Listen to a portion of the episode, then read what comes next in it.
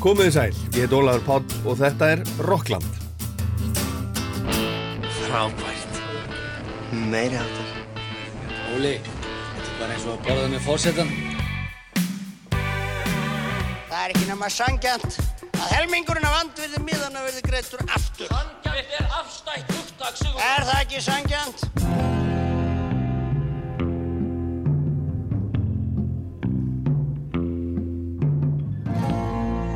22. oktober árið 1992 kom út fyrsta plata hljómsveitarinnar Jet Black Joe.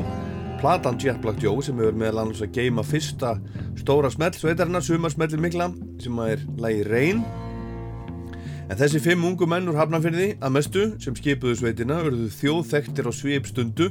Það vissu allir af Jet Black Joe, allir strákar og allar stelpur og fóreldræðara líka vegna þess að músíkin var skemmtilega gamaldags á sama tíma og hún var splunkun í, höfðaði til breiðs hóps. Jet Black Joe spilaði rock með stóru erri, stundum svolítið þúnt en þeir voru frekar hipparokkarar en þungarokkarar og þarna var hipparokki að minnstu stóriði 20 ára gammalt fyrirbæri og aðdáenda mengið nokkuð stórt. Þeir voru kottnungir þessi strákar, flesti 17 og 18 ára en 1 22, gítarleikarin og aða lagasmiðurinn Gunnar Bjarni Ragnarsson. Þau spiluðu um all land, slói gegn, gerðu þrjár plötur á ferlinum og hættu svo mörgum að ofurum vegna þess að áhugin fyrir Jet Black Joe var talsverður í útlöndum á þessum tíma og margir trúðu því innilega að Jet Black Joe erði heimsfræg hljómsveit. En það var nú ekki, að minnstu kosti ekki enn.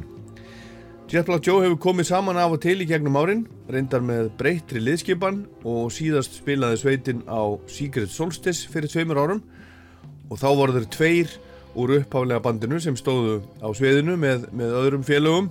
Þeir sömu og eru hjá okkur í Rocklandi í dag. Þeir Páll Rósinkrans söngvari og hljómbóstleikarin Rapp Tórótsen og við ætlum í þættinum í dag að hlusta saman á fyrstu stóru blötuna sem að heitir Jet Black Joe. Velkominir Takk. Eru þið til í þetta? Veit ekki. Kýlum það. Hérna, við skulum bara, við skulum bara byrja á, á uh, fyrsta læginu sem að heitir Take Me Away og þeir eru skráðið fyrir þessu lægi saman. Palli, þú og Gunnar Bjarni mannstu hvernig þetta, þetta lagar til og, og um hvað það sungið hana?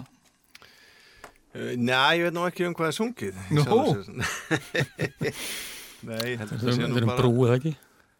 Jú, jú, jú, jú, jú, það er spurning um hvað brúið verið að tala um. Þetta er nú bara eitthvað fílingur svona, held að það sé nú bara tónbladur, þannig fyrst þú spurður svona. Já. en uh, ég man ég kom á æfingu þá var, var Gunni að spila þetta solo eða þið. Þetta var svona kaplið sem að bættist var, við Var þetta ekki hérna, þetta var niður við sjóin í Garðabæi Mikið rétt. Já, við vorum að svona, vampa á þessum, þessum arabiska ringar Já, nákvæmlega. Já, já, já. Þetta er svona, þetta verður svolítið svona eindrólag bandsins eða ekki, ná, gemum tíðina. Jú, og oft byrjaði þessu. Þetta er eiginlega alltaf fyrsta lag á tónleikonum Er það? Mm -hmm. Já, þetta er svona grand opening byrjun sko. Já, það er einhvern veginn fessan þannig sko. Já. Skulum að heyra þetta bara. Endilega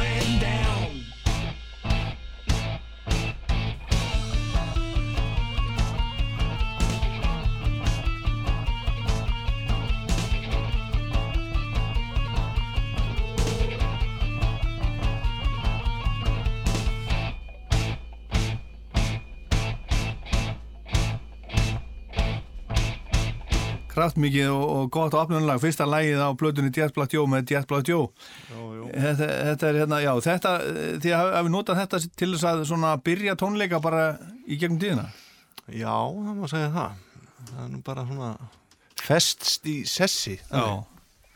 Herðu, en hérna förum aðeins í, aðeins, í upphafið. Hvernig uh, hvernig var þessi hljómsið til?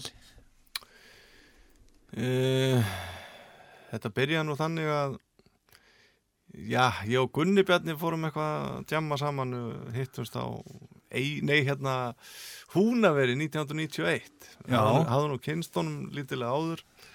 Við vorum þar svona uh, áttum að vera þar með hljómsveitum báðir tveir en uh, orsakaðist þannig að restin af hljómsveitunum mætti ekki. Já, byrju, þetta var, þetta var svona húnaver, húnavers hátíðum Vestlumanna helgi Já. og svona hljómsveita, hljómsveita keppni þannig nokkur ára alltaf Já, það, ja, það var eitthvað svona hæfileika keppni sem var nú bara eitthvað bull svona upp á háti og við Já, já, það er stórmerkilegt fyrir, fyrir ungar hljómsveitir Já, ég samt ekki Er það ekki? Nei, Og hvernig gekk? Herru, við spilum nú bara eitthvað eitt, tvö lög, eitthvað blues, Gunni Bjarni var með blómagítarinn og Þið tveir? Já, ég með eitthvað kassagítar, þetta var nú bara eitthvað svona eitthvað, Já, já. eitthvað bull, þetta var nú ekki verið merkilegt En býtum við, eh, þið ætluðu að spila þarna keppa með, með hljómsveitunum sem þið voruð í á þessum tíma Já, það var nú eitthvað svo, ég man þetta nú ekki alveg í Nei, það komið svolítið síðan Hljómsveit Gunnar Bjarnar Bootlegs Já. restin af bandinu, hans mætti ekki og Já, ekki, ekki komið strákanir úr hljómsveitinu Edruða Nirvana sem ég var í þá, sko já en, en varstu í, í, í báðum þessum hljómsveitum þá? Ed, Edru og Nirvana? Já, þetta var nú sama hljómsveitin, Nú er það? bara að sé hvort nafnið, sko En býtum við af hverju tvö nöfn? Já, hún hétt Edru og svo tókum við þátt í músík til húnum, hann að hvort það var 89 eða eitthvað og hérna þá skýrðum við bandið Nirvana vissum ekki af þessari Vissuð ekki af þessari, þessari útlensku Nirvana Nei, sem var, sem var að stíga sín fyrstu skref á sama tíma? Nei, en það var nú einhver sem hafði orðið þá að þið getið ekki heitið Nirvana það er hérna útlend hljó- hljómsveit sem heitir þetta. Já, já, já, já. En þetta, já, en þið sem hittist þarna mm spilið saman í Húnaveri Já, og hvað svo? og svo fyrir við eitthvað að hittast heima í okkurna og spila saman og, og svo fyrir við að diskotera hverja við um að fá með okkur í bandið og, og þá datt mér í hug þessi maður hérna, Rapp Tórótsen Já, af hverju? að því að við vildum hafa En það var ekki bara því að þetta er Hammondorgel jú, eða sko þannig. Eh, við erum náttúrulega ólust upp á áttunda áratögnum við erum hérna 80 eitthvað og vorum ekki hrifnir af þessum synthesizerum og svoleiðis. Nei, horfðum aftur til eh, sjöunda áratögarins Led Já. Zeppelin og Já. það sem menn spiluðu á alvöru hljóðfæri já, eins og við köllum það og, og þar á meðal var hljóðfærið Hammond Hammond orgel. Já Já, sem var náttúrulega ekki á hverju strái. Af hverju áttur að Hammond á þessum tíma? um, 17 ára gamall, ekki? Jú, um, ég veit ekki. Ég kefti það bara til þess að hafa bara inn í herbyggja mér. Í alvöru, Hammondin í Herbyggi Já, já.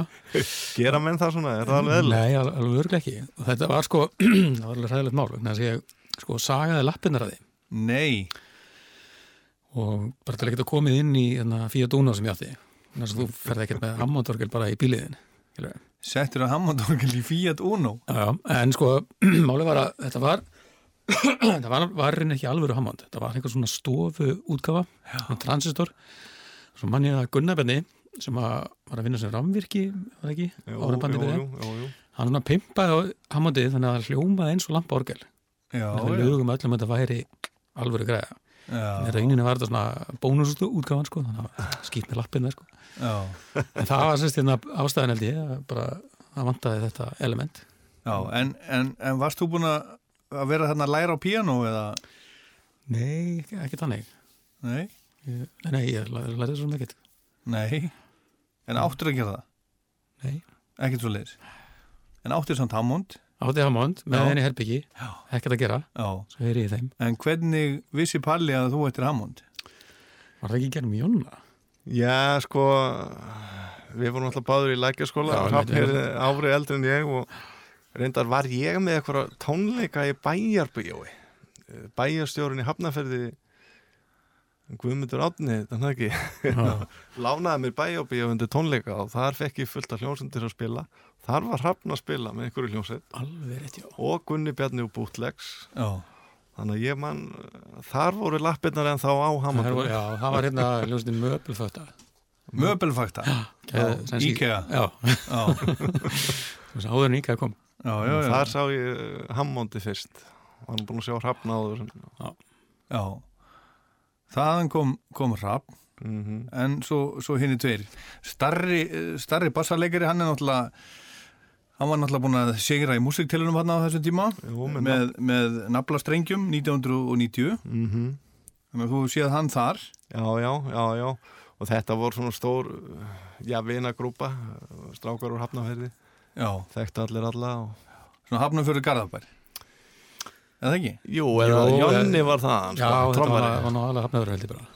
En svona, óttón, ég, ég, við Jóni vorum þetta í, í fjölbyrði Garabæ Já, Kannastu hvernig annan þar sko. Og ég man ég heyrði Jonna reyna við trommusólóið í læginu Moby Dick Zeppelin. Og það var eiginlega þess vegna sem ég stakk upp á honum í, í grúpuna. Þannig að, þannig að sko í, í þín, þínum hu- hugapælinn þegar þessi ljónsveit var að vera til þá voru uh, hérna, fyrirmyndunar sko Hammond Orgel sem er kannski bara Deep Purple mm og Led Zeppelin. Gamaldags. Já, ja, 20 áru setna nákvæmlega sko maður er elst náttúrulega uppi, maður er komin úr svona svolítið sól og Chuck Berry og allt þetta svo, var, stöf. svo var líka samt á þessum tíma var mikil svona, svona retro vakning einhver sko. Já. man, vel eftir því Það var mikið Zeppelin og Já, þessar bælingar við vorum svona að horfa tilbaka á, á trúbrot og svona, sko, vorum að gera uppreist gegn svona þessu 80s Já, af hverju, af hverju var það? Það verður mér ekki alltaf að gera upp okkur fannst bara ekki bleiku hérna ble- bleika átvitið strettskallin flottur sko. Nei, þetta er, þetta er sko þetta er 19, já, hljómsveitir á stofninu svona 91-92 Já, Já, 90, ní- já. ní- 91 og þá er náttúrulega uh, The 80s, það er ný, ný liðið. Mhm. og, og ég menna sko rockið á, á þeim áratöðan undan var svona glísrock Já, Skid Row, mikið, mikið hár og hárlakk og naglalakk og, og ég mitt svolítið mikið bleikt já, já, já. Ísland fer fyrir Eurovision í fyrsta skipti 1986 og þetta var svolítið svona stemningin en svo, svo hérna, komið þið með, með eitthvað allt annað nýtt en samt gamalt Já, já. Við vorum svona, okkur fannst uh, fílum seppilinn og þetta gamla og jú, auðvitað síða, síða, síða hárið en, en vildum sleppa þessu bleika sko. Já, Hafa þetta svolítið alvöru. Og þið voru mikið gengi Já, já, já, já. Vorum það, við erum alltaf vera með okkur eigi klúbhús Nú, býtum við. Það var hérna siglingaklúbur Garðabær. Já, sem átti svona kofa skrifli hérna við sjóin þar sem við fengum að vera bara óreitir og æfa og búa til. Já, mhm. Þar kemur tengslinn við Garðabæ en Jón Örn Arnarsson var með eitthvað tengsl í, einmitt, einmitt. Inn í Garðabæ. Og gæti vel að þetta húsnaði handa okkur og vorum þar í bara einhver ár sko. Já, já, mér er sér að gert myndbandi með skjöldast ekki, Falling. Alveg rétt, þú vaðst óðst þarna út í sjó. Gunni líka. Já, Alveg já. rétt, alveg rétt. Þannig að þið eruð í rauninni hafnaðanferðin hljómsveit en, en, en gerðuð út frá Garðabæ. Já, Já, maður segja það. Herðu, hérna lag nummer tvö, við skulum heyra það. Það er gamalt, gamalt kingslag. Mhm. Á hverju voru að taka það? Lady Lazy Old Son Kings var kannski eina af þessum hljómsveitnum sem við horfum til. Ég man nú að Ragnar Gíslason, pappi Gunnarbjarnar, var mikið Kings aðdáðandi og sá þá hérna í höllinni þegar komu og var mikið að tala um... Tala um Austurbæjarbíó? Já, já. Austurbæ? Já, alveg rétt, alveg rétt. Og hérna þannig að við vorum mikið að hlusta á það Já, já og það vantaði að luga plötuna Já, já, er, já og þetta var eitthvað sem við vorum búin að leika okkur að spila á æfingum og... Já, já Svo er á Fuss, það er líka annað kingslag Wicked Annabella Já, alveg rétt. Alveg rétt. Þú ert búin að kynna þér. Þú erum frekar að taka vital við þig Já, ég meina, ég er náttúrulega ég man eftir þessu, þessu, þessu líka Jú, jú, þess, jú, jú. þessu tíma þegar, þegar þetta var nýtt og þegar þetta var að koma út en hérna, skulum heyra Lazy Olsson Mhm. Why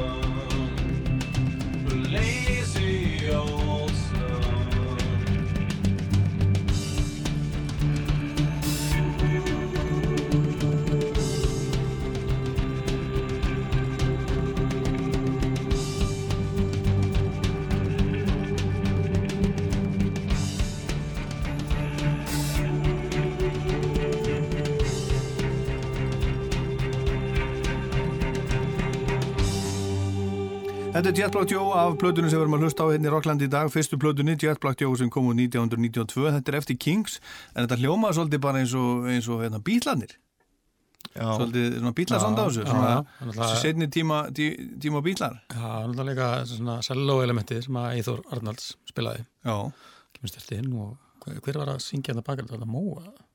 Það skildi þá ekki vera. Móiður Júniusdóttir. Já, já. Eithor var þarna upptökustjóri komum að, að því og eftir. En, en þið voru þarna, þegar þið voru að gera þessar plötu voru, þið voru flesti bara 17, 18 ára gamlir? Já, þessi fyrstu lög Reyn og, og Big Fat Stone komu út í mæ 92 tekið upprögli í desember og byrju janúar Mhm. 91 og 2 þau kom, já, komu út um vorið og svo platan hann út í, í oktober Já, en þið 17, 18 ára gamlir fannst ykkur þið vera fullorðnir? Nei, nei, nei, ég, ég var, ég hætti skóla, Já, tók bara hérna, nú ætla ég að fara í rockið. já, Þannig að Þetta var, jú, en, ekki bunt fullur en maður var svona, þú veist, vildi taka alveg fyrstum tökum. já Ég las hérna í þessari bók hérna sem ég held á sem heitir 100 bestu plötur Íslandsögunar sem Jónatan Garðarsson og Arnar Ekkert Tóruldsson gerðu fyrir rúmum áratug. Það er þessi plata í 23. sæti eftir, eftir kostningu sem var nú gerð hérna á að kosti eh, að einhverju leiti minni mig Mhm. og þar kemur fram að, að, að hérna, Gunni Björni hafi sett það sem skilirði fyrir þá sem að koma í hljómsveitina að þeir myndu hætta í skóla ef þeir voru í skóla og myndu hætta með kærastónum sínum er, er, er, er þetta rétt? Já, ég held að það hefði nú ekki verið krafa en það var kannski er vel séð. Já. Já, menn áttu bara að helga sér þessu og vera ekki ykkur vesinni konur eru áttu vesin það var svona eiginlega ein regla sem var jú, það var nú ein regla eiginlega með, með kærustur, það var engar kærustur á tónleikaferðalögum. Nei, það var alltaf eitthvað enn á æfingum? Já, Já, það var nú eitthvað, en það var nú lítið. Já, En af hverju máttu kærasturnar ekki koma með í tónleikaferðalög? það var nú bara því að uh, menn áttu að einbytta sér að, að músikinu og verkefninu, það var ofta eitthvað svona vesen, menn voru að rífast við kærustundan og voru þá ekki alveg í réttum gýr sko. Nei, þetta var til að halda fókus bara. Já, já, líklega. Já. Herðu, en, en þið eh, bara stofnum svo hljómsveit, byrjuðið að æfa og taka upp og svo, svo sláið þið bara þið bara sláið í gegn bara mjög hratt. Þið eruð, þið eruð ótrúlega vinsalir bara þarna um sömari 1992 er það, er það ekki rétt með nefnir? Jú, náttúrulega fekk gífulega spilun uh, bæði þessu lög og sérstaklega reyn hann er svona á- bara á einu degi þá Já, þau kom út á sapplötu sem að sporga út. Bandalög 5 Já. minnum mig. Já, ég á diskina þá eigið þegan Nei, Nei, nei, nei. en hérna, en áttu þið áttu þið von á þessu að þetta er svona vinsalt? Já, já, maður spáði ekkert í maður var náttúrulega bara, eins og segir 17 ára gamall og skilur, bara borðaði Jón Bakan pítsu og partí, skilur þannig að, En, fund, en funduðu, þú veist, á ykkur að þið væru með eitthvað, með eitthvað höndan sem að, maður sem fundi náttúrulega maður fann- náttúrulega væpið sem var í kringum þetta. Alveg potið, sko. Já, það var allan að stefnan hjá okkur að þetta myndi slá í gegn. Þetta já, þannig að, já, já, eins og segið að við, þú veist, það var settu bara fullu fókus á þetta og hérna, kert á þetta, þannig að það skilaði sér.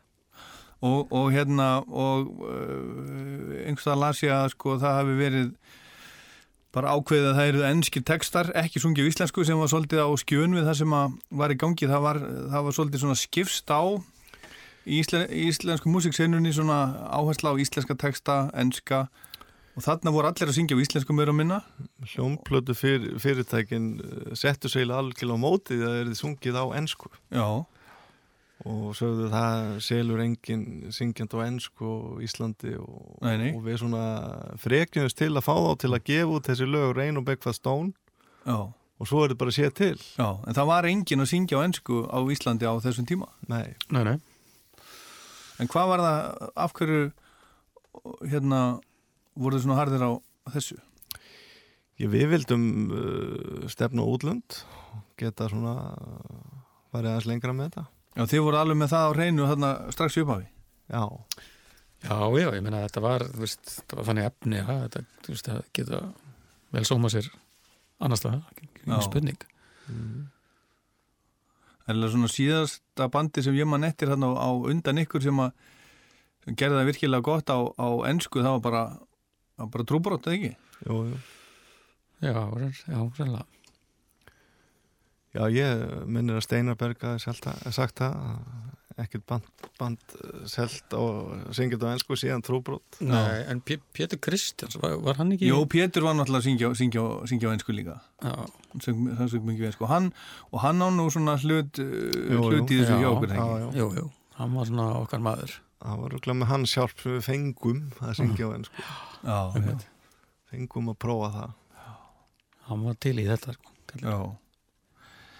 Herðu, en hérna, þetta er svona, já, þetta var svona, uh, einhvern veginn, þið voru sko, þið voru að gera nýja hluti en samt, samt, uh, uh, svol, svolítið gammaldags og, og, og hvaða svona aðrar fyrirmyndir voruð þið með þarna? Þetta er náttúrulega bara samsuða öllum þessum hljómsveitum sko, alveg frá því fyrsta 50 eitthvað, það er svona Elvis og Chuck Berry og, og svo Zeppelin og Purple og ég var til dæmis mikill ACDC aðdóðandi. Bon Scott aðdóðandi einmitt. Já, maður var hann að, einmitt, á þessum, þessum tíður handa. Eins og við tölum hann í byrjun þetta var allan fyrir mig, ég, náttúrulega ástæðan fyrir ég fór í þetta hammandæmi var Deep Purple það var bara alveg eitt og tvö. Já, maður er einhvern veginn að ná þessu, þessu væpi. Aha. Herðu, og svo er það, er það hérna fyrsta lagið, ég man eftir því, nei hérna, já, næsta lag sem er fyrsta lagið sem var spilað með, með ykkur útarpi, það var í þessu stúdiói hérna, þarna sömarið eða vorið 1992 áður en að þetta, þetta kom út, þá ég man mjög vel eftir því vegna þess að Gunni Bjarni sem ég kannast aðeins við, í að vera með nýja hljómsveit sem hann vildi endilega beða mig um að hann bað mér sem að hjálpa sér að koma þessu í útarpi sko. Og, og við þekktust, ég, ég var tæknimaður hérna. Mm og, og ekki með mikið kannski autoritet en, en ég sagði hann að jú, jú, komdu hérna, við skulum, skulum heyra þetta. Og hann spilaði fyrir mig Rain og Big Fat Stone. -hmm. og ég vissi bara ekki hvaðan á mig stóð veðrið fór með það hérna í, hérna í útsendingu í sítiðsútarfi þar sem að held að, held að Þorstein Jóð hafi haldið utan um þáttinn sko og, og seldi honum þessa hugmynd að spila þetta splungu nýja lag með þessu nýja, nýja bandi. Það var frumflutt í þessu stúdiói Já, já, þarna áður en sko þó nokkuð bara nokkur vikum eða mánuðu jafnvel áður en að þetta kom út á, á bandalögum sko. Þetta verið kannski já. bara í upphafi ás þarna 92 já, já, ok. En þetta komi mjög á óvart að þetta skildi koma frá Gunnarbjörnu vegna þess að síðast þarna undan þar sem ég eh, sá, sá hann eitthvað spila þá var hann var hann að spila hérna eitthvað svona thrash metal gítarsólo Já, já, það var mikið í þungarákinu já, já, já, sem að einmitt, svona að spila hratt og Mjög, spilaði mjög hratt. sett á gítarinn sko mjög hátt og hratt algjör, við hvernig hann spilar á Já. þessu sko Já. Þannig að- En þeir félagar hans í þungarokkinu áttuðu til að kalla hann hippa sökuðan um að vera ekki alveg svona heill þungarokkari Já, já. Já, Það er náttúrulega mikið, mikið, mikið hippa í þessu. Þetta er náttúrulega svona hippa rock hljómsveit. já, já já, já finnst, við náttúrulega vorum í mussum og eitthvað svona Já, já. Nákvæmlega, nákvæmlega sítt var í mussum já. En hvað getið þið sagt mér um, um þetta lag, Reyn? Já, hvað á að segja við, það var nú samiðin í bílskúr hjá ömmu hans Gunnarbjörna og, og í Eldursundu Já, já. Og við fórum reyndar með þetta lag og bæði spilum það fyrir Pétur Kristjáns og fórum líka á pöntuðu fund hjá skífumönnum og spilum þetta bara á kassangítarinn fyrir útgáfustjórana þar. Já, já. bæði hjá, hjá Steinari og, og skífunni. Mm en við uh, spilum þetta fyrir Pétur Kristjáns og hann lofaði okkur strax samningi. Þannig við ákveðum að halda treyð við Pétur og svo sem er þetta Steinar tók yfir þann samning Já. og já, the rest is history Já, en hvað sögðu, sögðu skífumenn? Leist þeim ekki á það? Jú, þeim leist vel á þetta en við vorum með lofar frá Pétri Já. og böðs og samningur á skífunni en ákveðum að halda tryggð við Pétur Kristjánsson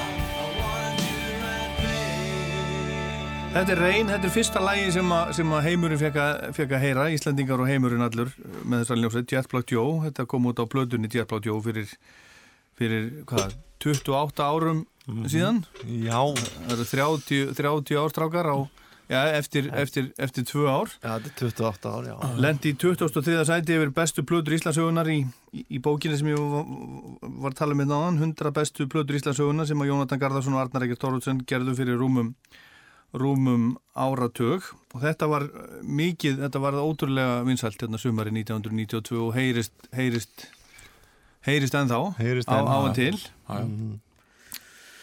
Já, þetta er, þetta er mjög svona líka skemmtilegt svona, svona lýsandi hérna, hljómurinn í þessu lagi fyrir hljóðveri sem þetta tekið upp í. Já, Studio Gnýr sem er nú búið að rífa núna. Synd. Það er synd sko, þetta var náttúrulega flott þess að þetta var, mannalega þetta voru svona flaugjels hérna, svona drappringar allar hringin Já.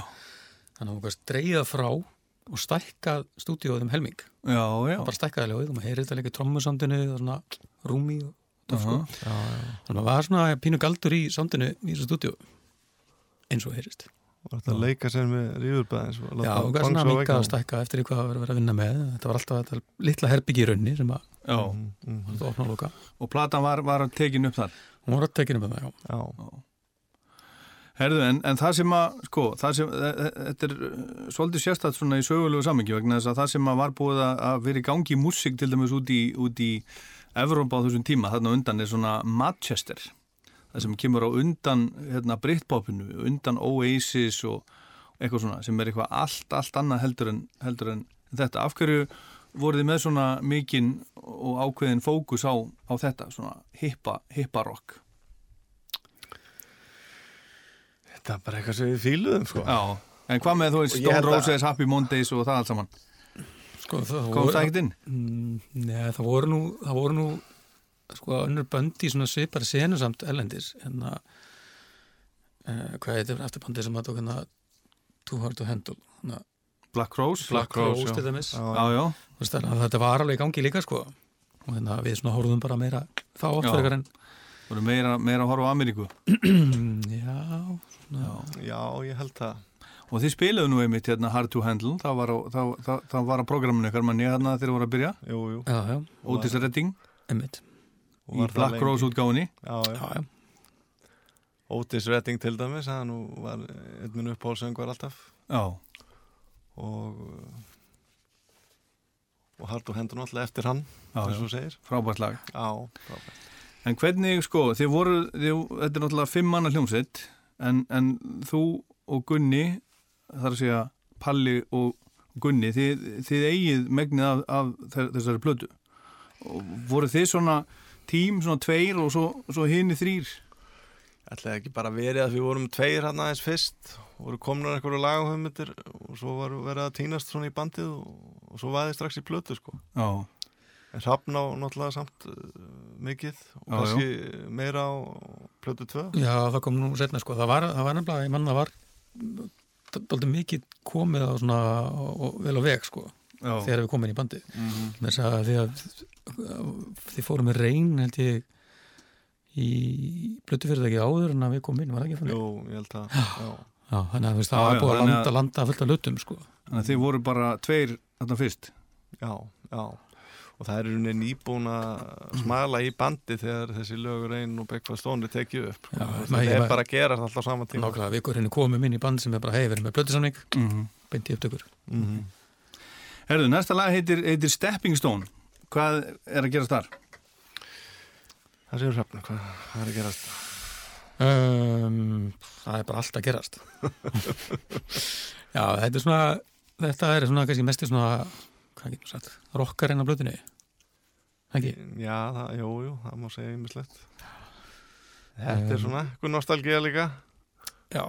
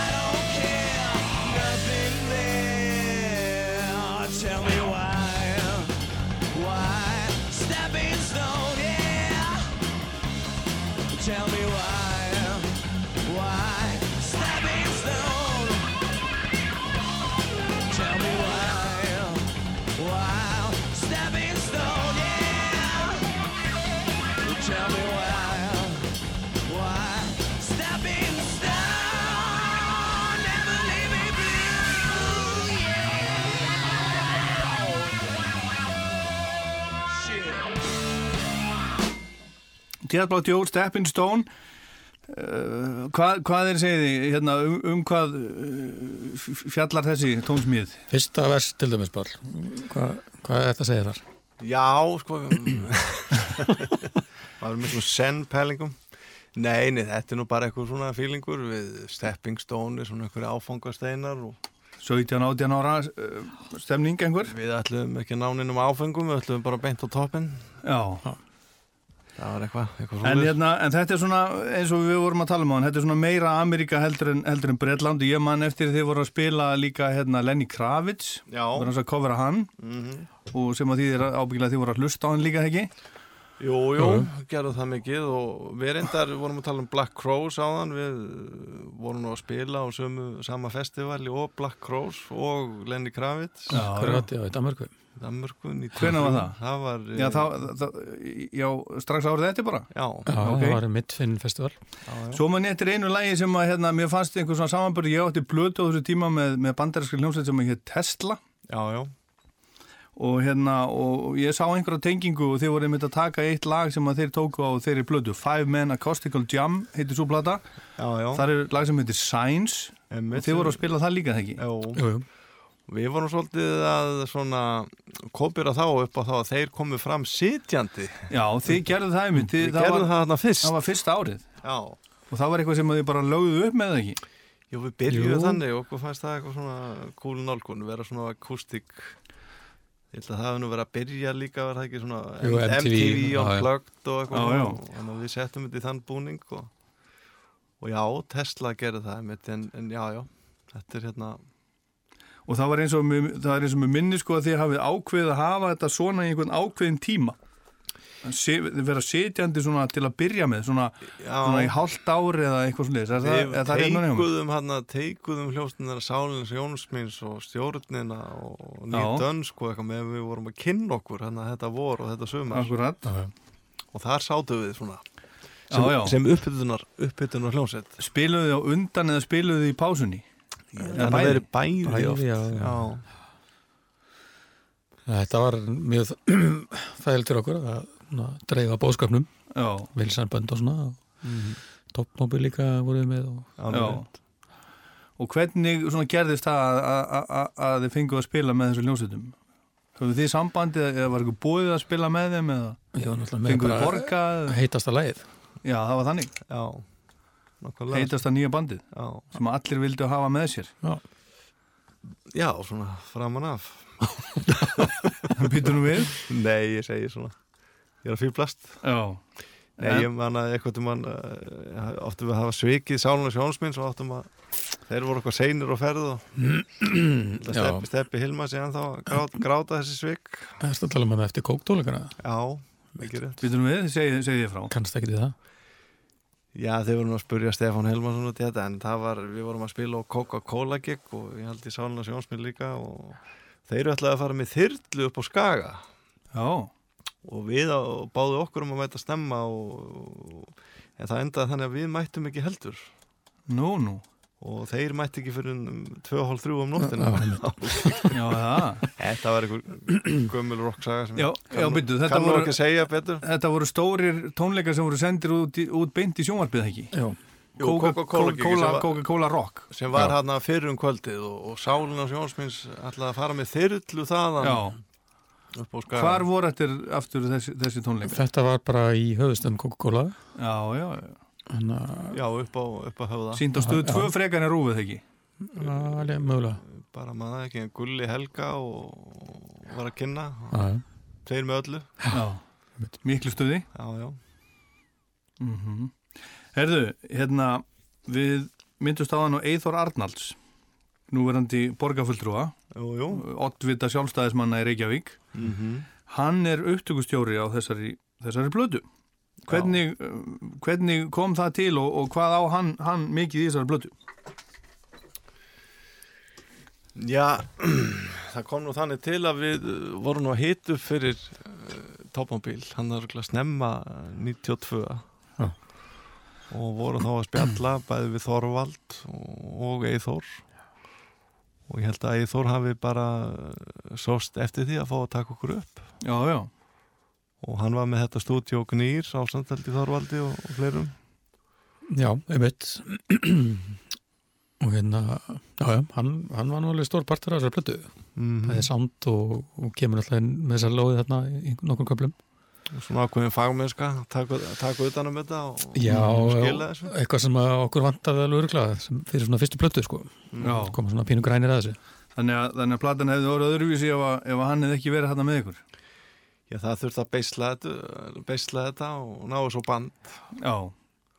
Það var kannski ekkit lítið verkefni. Og svo áan þarna, nei, nei, einmitt, svo áan þarna, eh, þarna intrófið af, af næsta lægi, I'm Falling, I'm in a Dream. Já, Já. einmitt. Þetta eru glöggunnabjarni og hann eitthvað kvakað saman. Já, einmitt.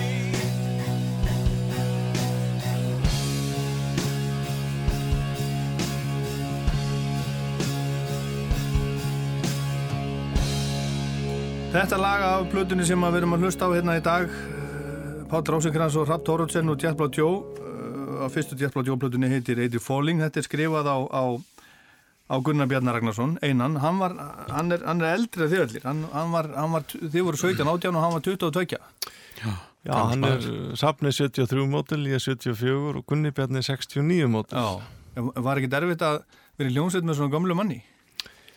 Já, hann var bara 1 og 70 Já. en, en funduð þið fyrir að hann var eldri en þið? Eða var einhver svona, Já, svo, ég, svo, ég fann fyrir því. dýnamík? Ég fann fyrir því. Já, já. Já, Og hérna, Það var aðeins meiri svona hljómsveita reynsla. Það var búið að hangi í skúrnum aðeins lengur. einmitt, hann alltaf gætt fæði í ríkið og svona.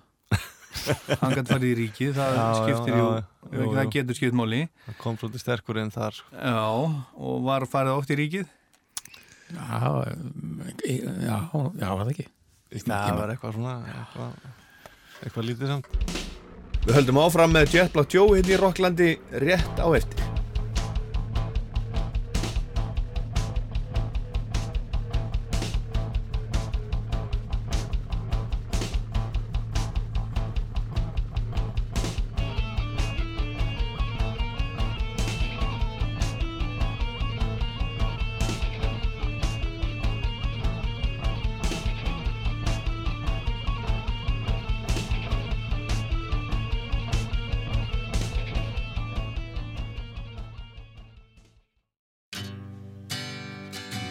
This is Jeff Tweedy from Wilco, and you're listening to Rockland on Icelandic Radio.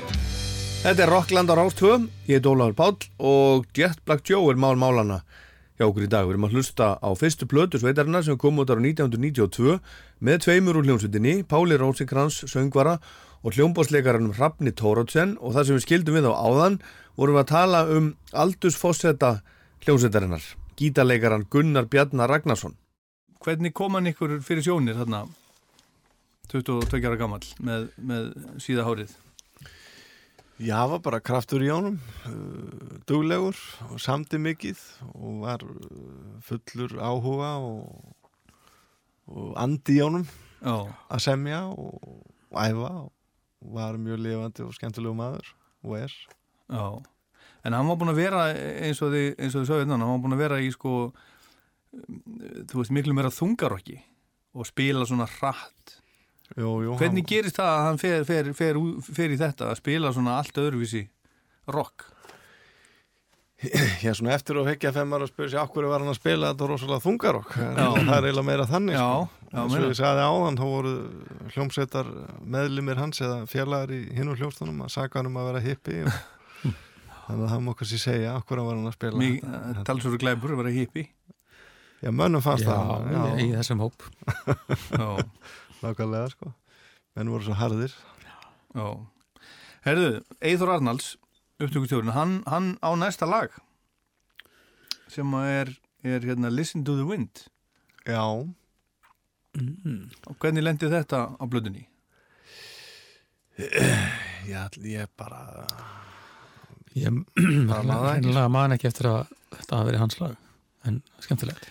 Eða það ekki, það er allavega hérna í bókinni, sko, þá er, þá er hérna, uh, þá er svona lagalisti, ég er nefnilega ekki með diskin sjálfan, en í bókinni, hérna, þá stendur að the Wind innan sviga Eithor Arnalds. Já, já, það hefur komið ykkur hugmynd. Við vorum að taka þessa plötu mikið upp alltaf á nóttunni. Já, frá 12 til 8 á mótnana það var, var ódýrara, kallað Lockout. Og eina nóttina kom þetta lag upp og, og var tekið upp. Einmitt. Þetta er sannlega verið eina af þessum lögum sem hafa bara verið allt í einu góð, sko. Já Það hefur verið auðvitað vantað eitthvað lög og Eithor fóði þetta fram já. Eh, Þú sagði líka að það hafiði líklega vantað einhver lög þegar ákvað að taka Lazy Old Sun, það eru 11 lög á, á þessari, þessari blödu. Já, já, Hérna eh, eru 11 lög meiri sér með litla intróun hans Eithors hérna, fyrir, fyrir lagið um, um, hérna, Falling. Áttuð ekkert, ekkert fleiri lög á þessum tíma? Tókuðu upp öll lögin sem þið áttu og þá hafa þau bara verið sko, þá hafa þau bara verið átta. þetta, jú, jú, við áttum fullt af fleiri lögum en það var kannski bara svona litli bútar sem var ekki alveg búið að sauma saman, sko Já, og eflaust mikið af því sem var á plötu 2 var í rauninni til eða bara sem hugmynd á þessum tíma já. Og öruglega svona smá pressa að koma þessu út, Mm hendi Já, í blötu, sko. Þetta mátti náttúrulega ekki kosta mikið og eins og ég segi þurfti að taka þetta upp á nóttunni og Já, það var bara ákveðið budget ákveðið sem átti að eyða í þetta. En heyrum hérna Listen to the Wind, fínt lag. Listen to the wind já.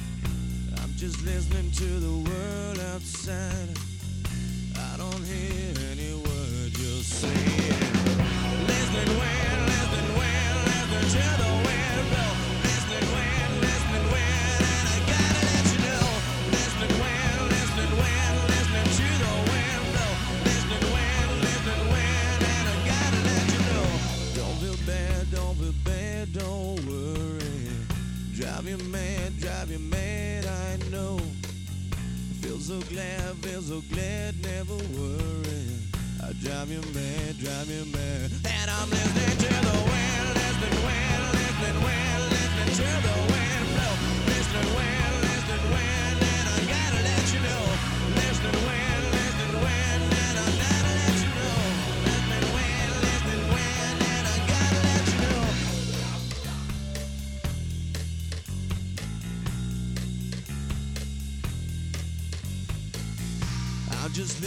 to the world outside.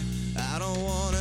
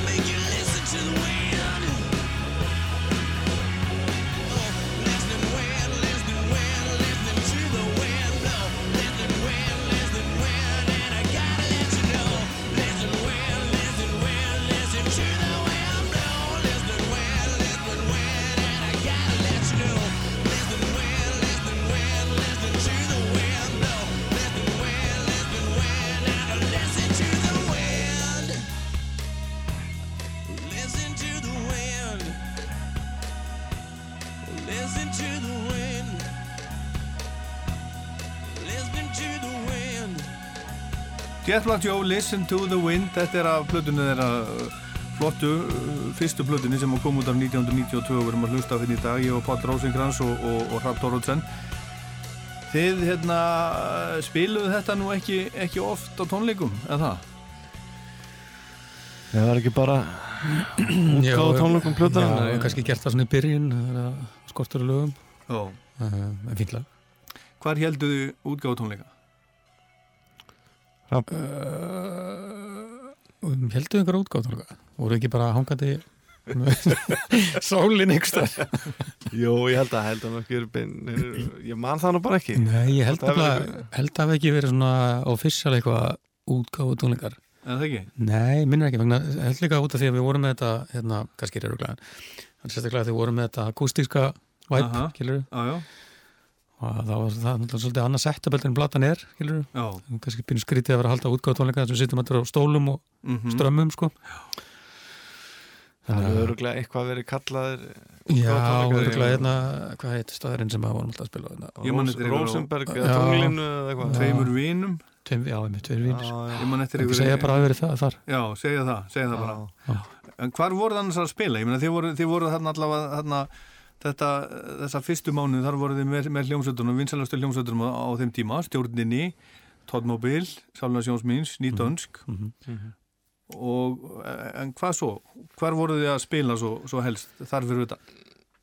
Við, við fórum náttúrulega hringin í kringu landið eh, nokkur skipti, bæði með þessum hljómsundum og fórum sjálfur Norður Akureyri og svona og, Við mitt, verkmæntaskólanum og eitthvað svona Já, já. og svo vorum við bara að spila hérna í bænum þú veist, Gaukurinn og, Gaukurinn tveimur vinum og, og Rosenberg kallar hann á tunglinu og, já, fína innegna á gauknum. Já, já, alltaf að spila upp í hana. Já, spila upp í bjóskuld. Það- það Já, já, ég menna það, það var margir, margir lendi í því. Þeir voru þar. Já, við spilum á gauknum, það var svona eh, tókum hann sem er gikk þar og einmitt þessum stöðum, tveir vinnir og Það var náttúrulega aðal senan hinn í bænum á þeim tíma, það voru allar hljómstur að spila. Já, á gögnum Já, Já, þetta var, þetta var gaukurinn áður en hún var breytt áður en hún var stækkað. Já, Stækkaður. bara gamli, litli gaukurinn já, já, nákvæmlega, nákvæmlega. frábær staður. Já, já. Og það er kynntist maður svona strákonum í þessum íslenska bransa. Já, og það var skemmtilegu tími. Já En hérna, eh, eins og við komum að þá eru þau, eru þau snemma rosalega vinsalir, þið voru bara út um allt, voru þau í öllum blöðum, það vildu allir, vildu, vildu allir svona bita af, af tjættplagt jó, hana, stegu vinsaldirnar eitthvað til höfs? Komið þetta illa nýra okkur? Mm, Það var alltaf bara unglingur ég veit ekki hvað að segja sko. Ég man sko, það var svona, maður heyrði svona sögur um að við, þú veist, við værum eitthvað svona, tóltið vildir sko, en svo þegar, þegar maður hugsa svona tilbaka, þá náttúrulega, þegar maður er 17-18 ára gammal, skilur, þá er þetta bara nákvæmlega sama og, og eftir mentaskóla eða eitthvað, maður er bara í fíling og, og ég held að við bara, þú veist, maður er svona mátulega kærlaus bara, þannig að stíga þetta í hug, nei, ég held ekki, þetta er bara, það er bara gaman. Já.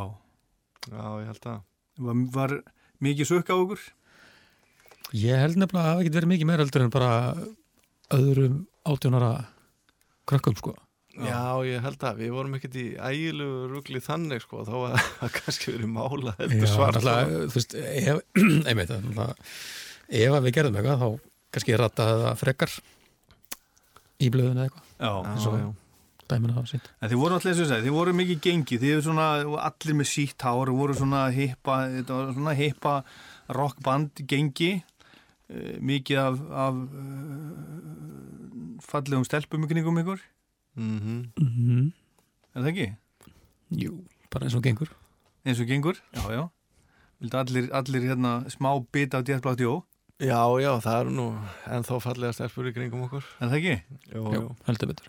það er konundur okkar og, dætur Já, og svo, þá má kannski segja það að ég er líka á eina eitt barnabann litla stúlku, já, var afi núna bara um daginn já, til hafingi með það. já, já Þess, tími Já. líður maður Já, já, tími líður, heyrðu, og, og talað um stelpur, næsta lag, hérna, Chicks in the House.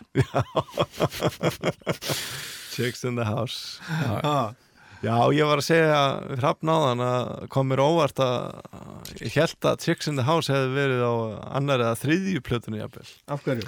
Ég fór að tekka á lagalistanum og fannst mér, já, bara einhvern veginn mér fannst það, það hefði verið setni stiga lag. sko. Þetta er svona, þetta er svolítið svona pöngað lag með við það sem annað sem er í gangi Já, sem að passar einmitt svolítið við försplötuna hún var svona pínu pöngari akkurat. sko Já, hún var svona alls konar, sko, í Jú, allar jú, áttir, jú. sko. um, ég veit ekki hvað ég, var þetta ekki bara eitthvað svona þetta var eitthvað svona stemning í stúdíónu minni mig, þetta riff þarna Já, já, já, já. hvernig kom út úr því Jú, þetta er allt eitthvað svona Já. fílingur sem kemur upp, öll þessi lög og þessi kaplar og... Og þetta er bara um stelpur, það eru bara stelpur í húsinu. stelpur í húsinu, já, Já, já. Þetta er stelpur Á, átta talir ekki, Já, já, einmitt Átta. Það ekki, Átta 5, stelpur 6, 7, 8 Já, já 1, 2, 3, 4, 5, 6, 7, 8 chicks in the house og svo eitthvað And they wanna get laid. Næ, það var nú það var nú eitthvað annað En við segjum það ekki. Segjum það ekki lengur. Spilum bara lagið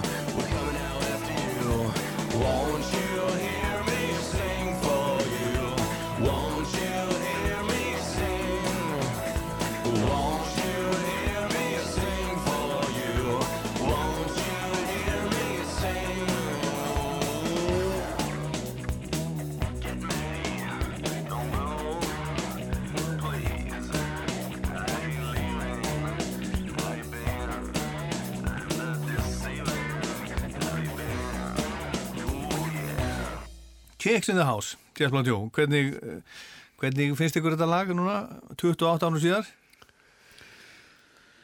Það er bara fínt fyrir það sem það er. Já, Svona, svona hallarslegt á köflum. Flott riff samt. já, gott riff, gott grúf í þessu. Já, já. Já, já, og þið voru náttúrulega eh, svo þessi- því sem ég haldi til haga enn aftur þið voru náttúrulega bara 17-18 ára gamlir. Þessi platan var gerð og, og, og þetta er ein af, ein af svona, þetta er ein, ein af hord, ein af hordsteinum íslensku rocksjóunar Hlærið þau bara því manni? Já, Já, já, þetta er náttúrulega bensku brek og bat síns tíma. Já. Held, heldur að það hugsi ekki allir tónlistamenn þannig um, um þessar svona fyrstu blödu sínar?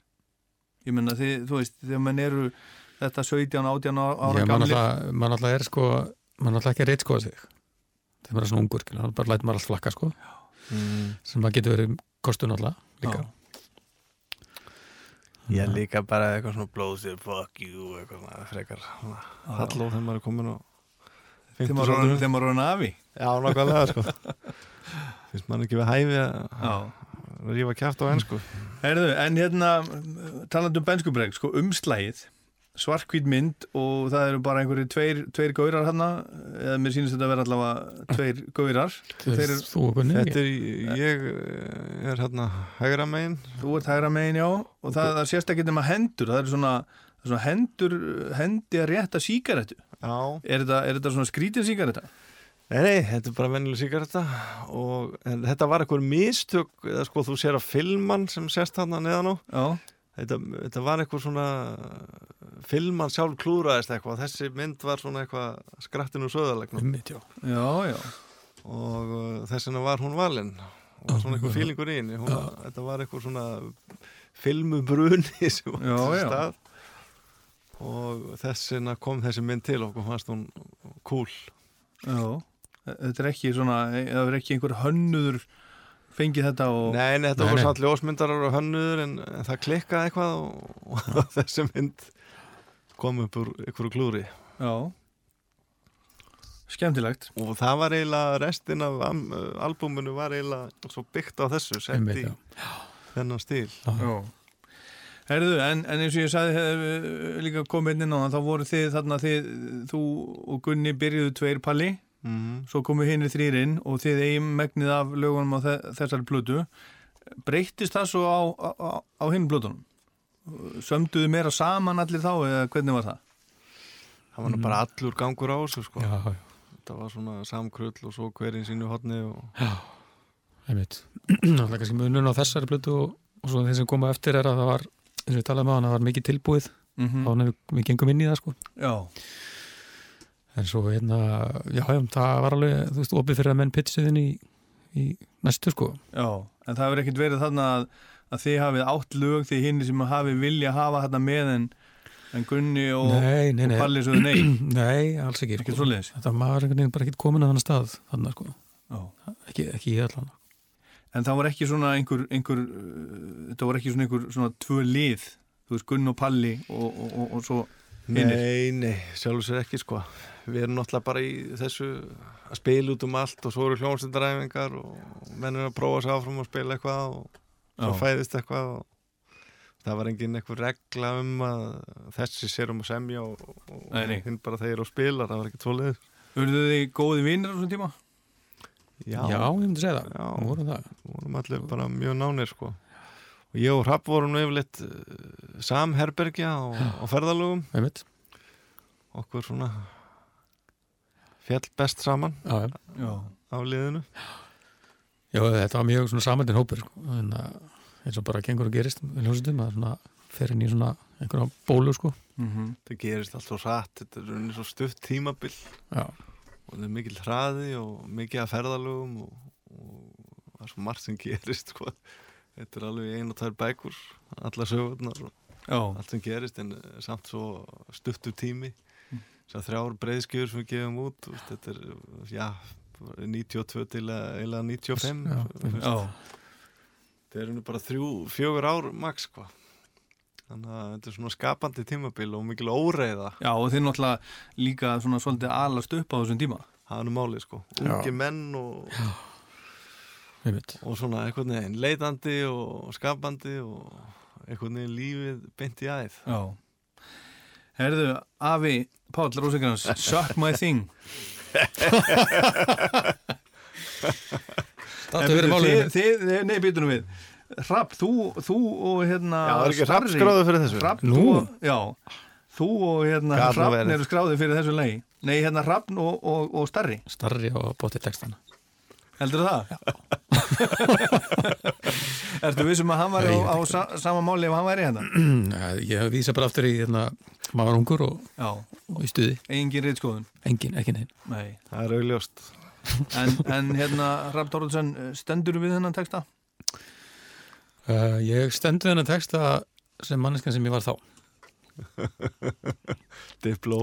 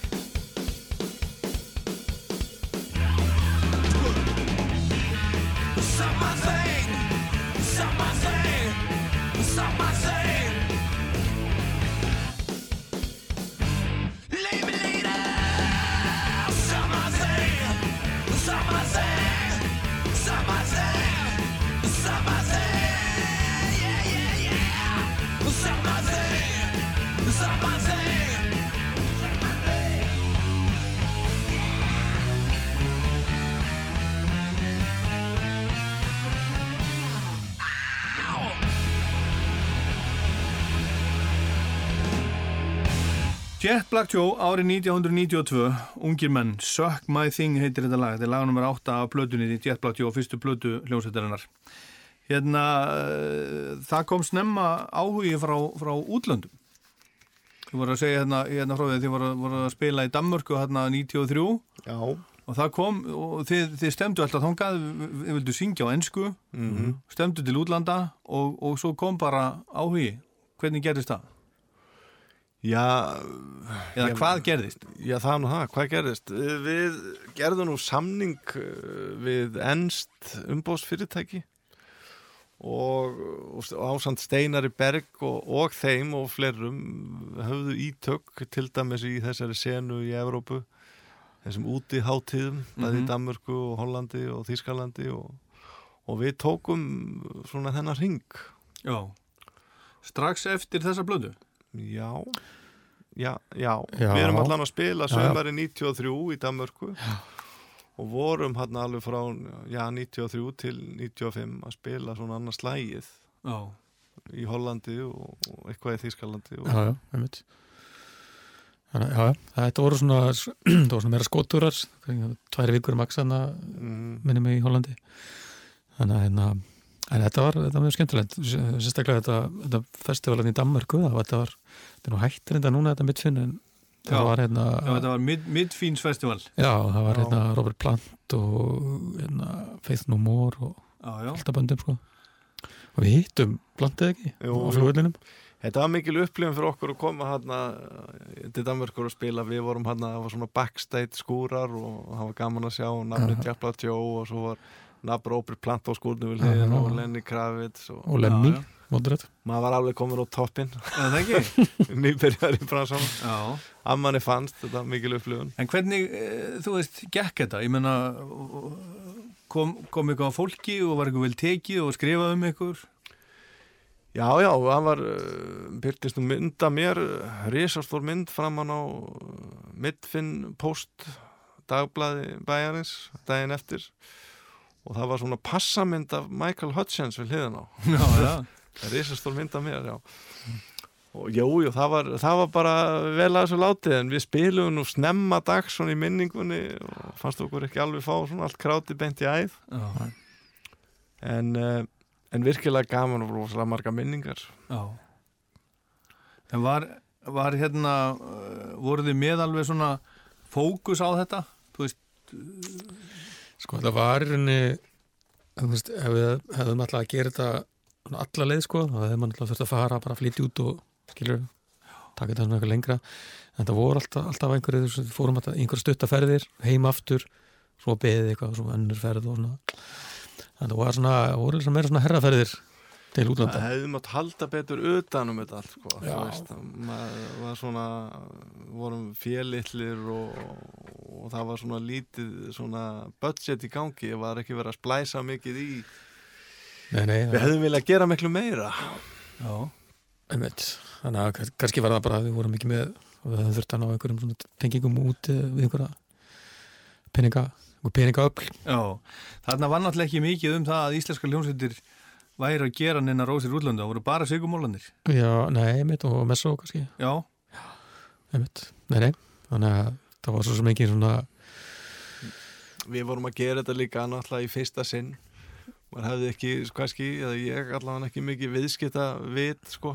Nei, einmitt, var svona létt svolítið plata sig sko. Menn voru svona okkar eh, talsmenn voru kannski meira að hugsa um sjálfa sig heldur um hljómsveitina.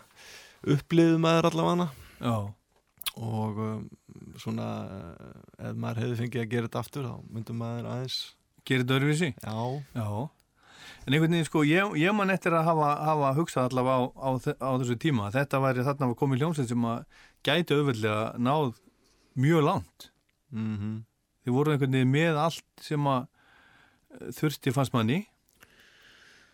En, það er, en það er bara ekki nóg. nei, það er nefnilega ekki nóg. Það er svo, það er svo margt sem að það þarf að ganga upp það er að vera hefni, tímasetningar bla bla bla, við mhm. þannig að það er svona hef, er svona helviti mikið þurft að þú veist, gerast til þess að þetta færi eitthvað lengra held ég sko Já, það.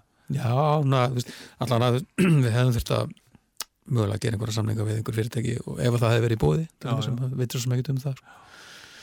Svo reyndar les maður um sögu hljómsveita, hvað sem er heita Rolling Stones eða fleiri þeir voru allir sviknir. Já, já, þetta er allt svona. Já, já, fyrstu tíu árin sko, sagan enda lausa. já, já, já og þessi hljómsveit var náttúrulega bara í eða Já. nákvæmlega sko.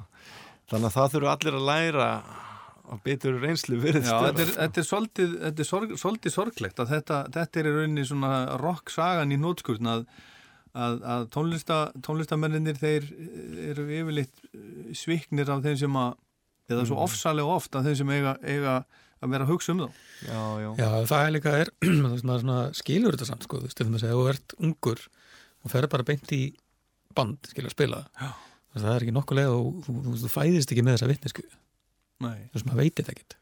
Hvernig þetta virkar.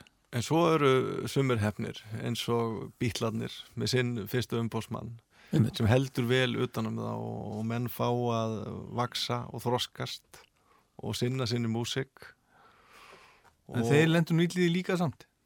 Já, já, en einhvern veginn það er, það er eitthvað svona lína sko, hvort að menn Já. sjá eitthvað á von í þessu eða hvort að segja einhvern veginn menn upplega þannig sem klúður þessu áður en það gerist Já, já.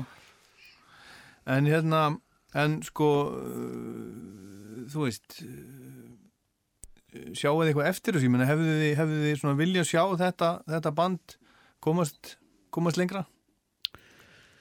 Nei, ég, allar fyrir mig, ég sé ekki eftir neinu, sko. Það er bara skemmtileg tímabil og, og þú veist, mótaði mann bara sem einstakling. Já, þetta var náttúrulega bara, var bara alast upp hana í rauninni Já, já, þetta er bara þroskaferli. Nei, nei, þetta var slaka mann ætla gaman. Herðu, næsta lag, næst síðasta lagið á blöðunni er annað af, af tveimur fyrstu lögun sem að kom frá okkur, Big Fat Stone. Já, hvað, hvað hérna, hvar, hvar hvar fættist þetta lag og, hvað eh, er, er, er þetta um eitthvað balli? Hóðalega spurningar er þetta. Já, þetta er um eitthvað svona Já, já, þetta er um hvað er Þetta? Er eitthvað sem að hangir á þér. Já, já, þetta er mikil byrði sem er stór og feitur steinn sem þú þarft að börðast með. En ég man nú ekki hvað er þetta lag ég ætla þetta ekki verið bara hann í skúrni og Gunnarbjarna eða upp í eldursi og ömmans og svo kemur nú hrapp sterkur inn hann með, með introið og já, ég man eftir þessi skúrnum hjá Gunnarbjarna hjá ömmans Já. þetta er svona, já, þetta er náttúrulega Hvar er þessi, þessi skúr segir Í Hafnafyrði? Ölduslóð 17, 220 hafnafyrði Já, já, Já, já. Þar, þar gerist þetta alls saman. Já, nákvæmlega. Og þetta held ég sé nú jafnvel eldra en reynlægið Þetta jafnvel þetta sé fyrsta að var. þetta var, þetta var tilbúið já. Er þetta fyrsta lag Djallblagt Jó? Já, ásamt reyn en ég held að þetta hefur verið aðeins eldra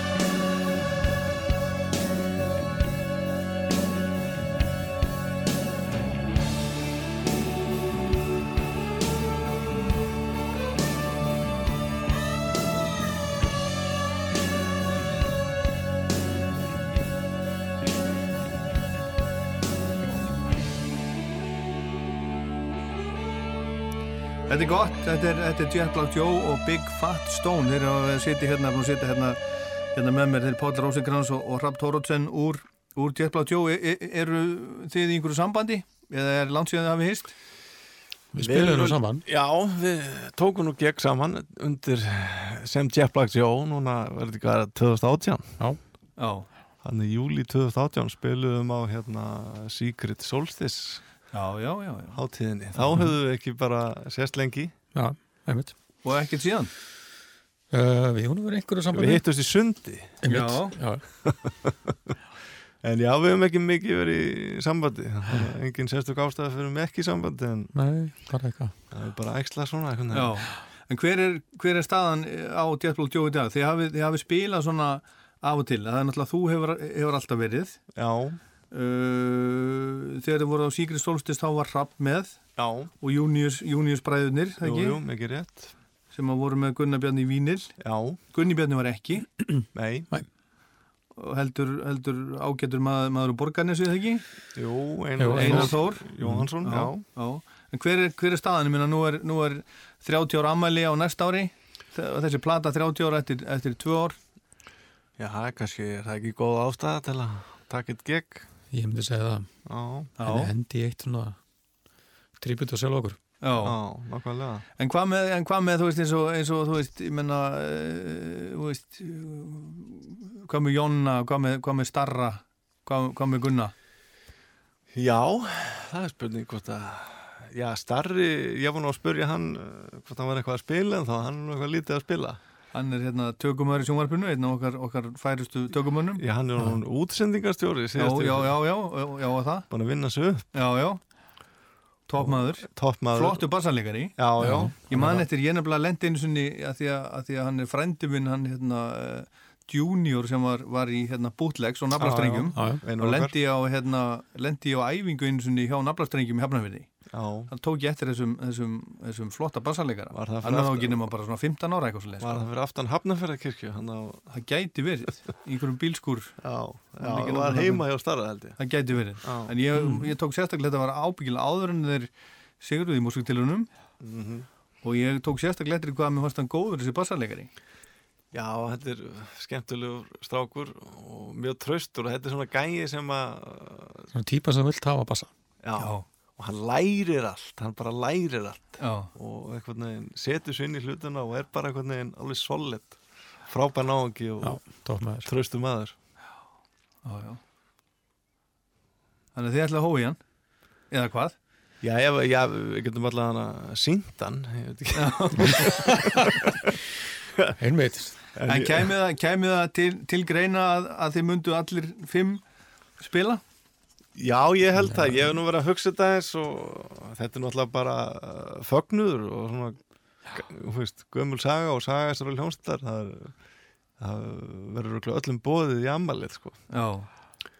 og bara fagna þessum tíma og fagna þessari tónlist og Já. sjá, sjá gamla vini Já, þannig að, þannig að það er, það er sagt, þið eruð í alvöru að, að svona pæli að vera með einhvern fögnuð í, á, á þessum tímamótum? Á næsta ári eða þann næsta?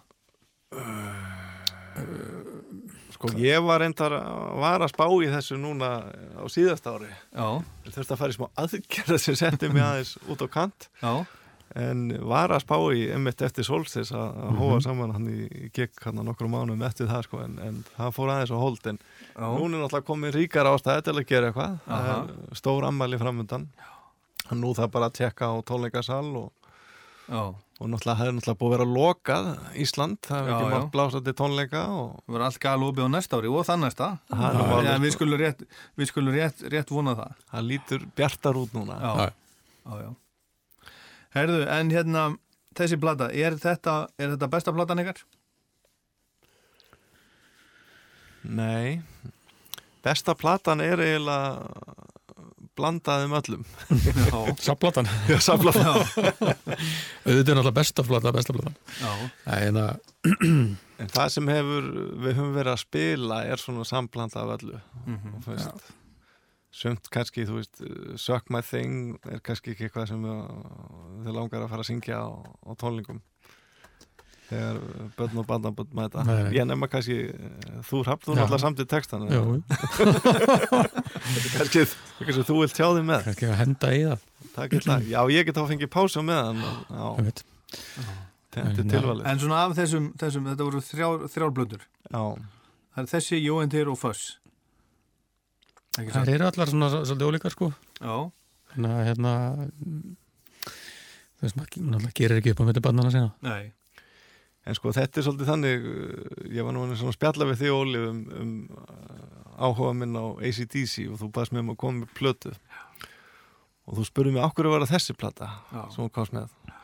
Það var að ég lúta því að á þessari plötu voru þau þrjú lög sem ég langaði að spila með ACDC Já, sem var Whole Lotta Rosie Let There Be Rock og uh, hvað var hitt alveg datt út.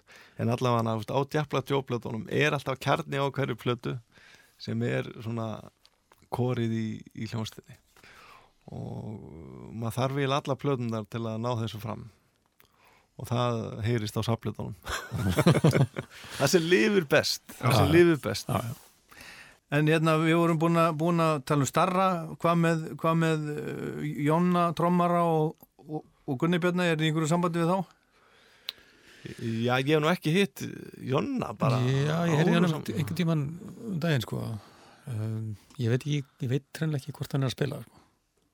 Við verum að fara að skanna stöðuna á mönnum Já. einmitt, varum með áhvernabröður En Já. Gunni? Já, hann er nú verður og glatta í músík Já, já, mikið músík í þessum manni Ég hef ekkert verið í bandi við hann nýlega maður þarf bara að heyra í honum og taka stöðuna Herðu, en þá er ekkert eftir nema bara loka lag blötunar sem að heitir Coming In, fallegt, fallegt lag. Já, já, Þetta, þetta er skrifað á, á Gunna og Palla. já. Þú átt þennan, þennan textað ekki?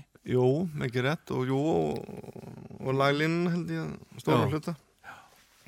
Já, þetta var eitt af þessum fyrstu lög sem við nú reyndar lítið spilað spilum þetta lag mjög sjaldan en lagið er mjög gott. Ég nú oftur að hugsa að það mætti kannski gera það hans hærrað undir höfði.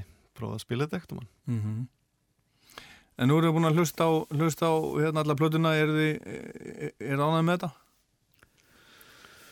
Ég, þetta eldist með svel Já, já, já, þú veist Þetta er náttúrulega bara sem stíma einhverju liti en mér finnst þetta alveg, þú veist bara, bara skamma sinni ekkert fyrir þetta, alls ekki sko og sér, náttúrulega hafði mikil áhrif á fólk og er hann að númer eitthvað, 20 og eitthvað 23. Já, já, Býndu plötunar á undan, sko, í 22 eru mannakotni gegnum tíðina Mhm. og 24 þessum lista er sko fyrsta plata hljóma. Já. Ah. Já, ok, það er ekki leiðum að líkjast Nei, nei, þetta er alveg listi, sko. já, já, Jú, Þetta er varða í rocksögunni eins og, eins og ég sagði þetta náðan. já, já. jú, jú, Ég vil ekki bara vera ánægð með þetta Já, ég held að. Herðu strákar, uh, Páll Rósikrans, Rapp Dórótsen, Jetblótt Jó, takk fyrir Jetblótt Jó og takk fyrir komuna. Takk vinnur, Ég mæti ámælið. glæsilegt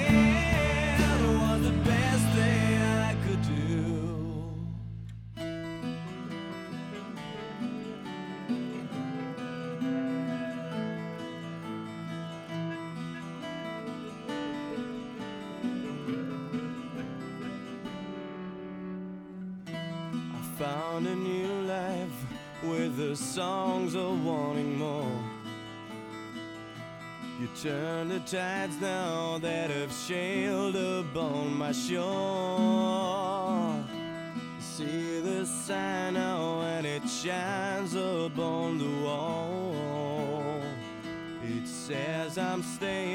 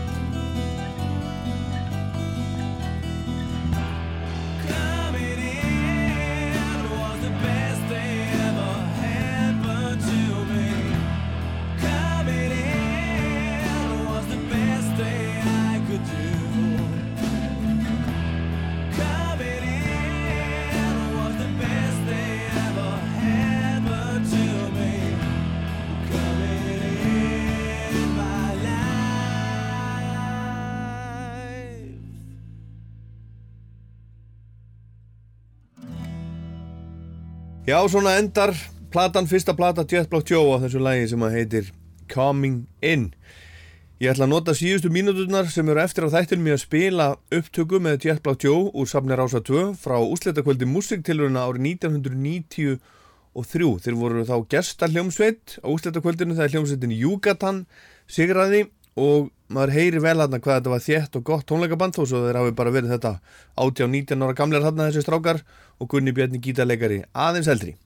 Ég minna Rockland á netinu, rú.is, í spilaranum og podcast á, á iTunes og Spotify og það sem er náið ykkur í, í svoleiðis og minni líka Rockland mælir með lagalistan sem er á Spotify, 30 laga lagalisti sem ég uppfæri í byrjun hvers mánuðar en þetta var Rockland, ég heit Ólaður Páll, takk fyrir að hlusta.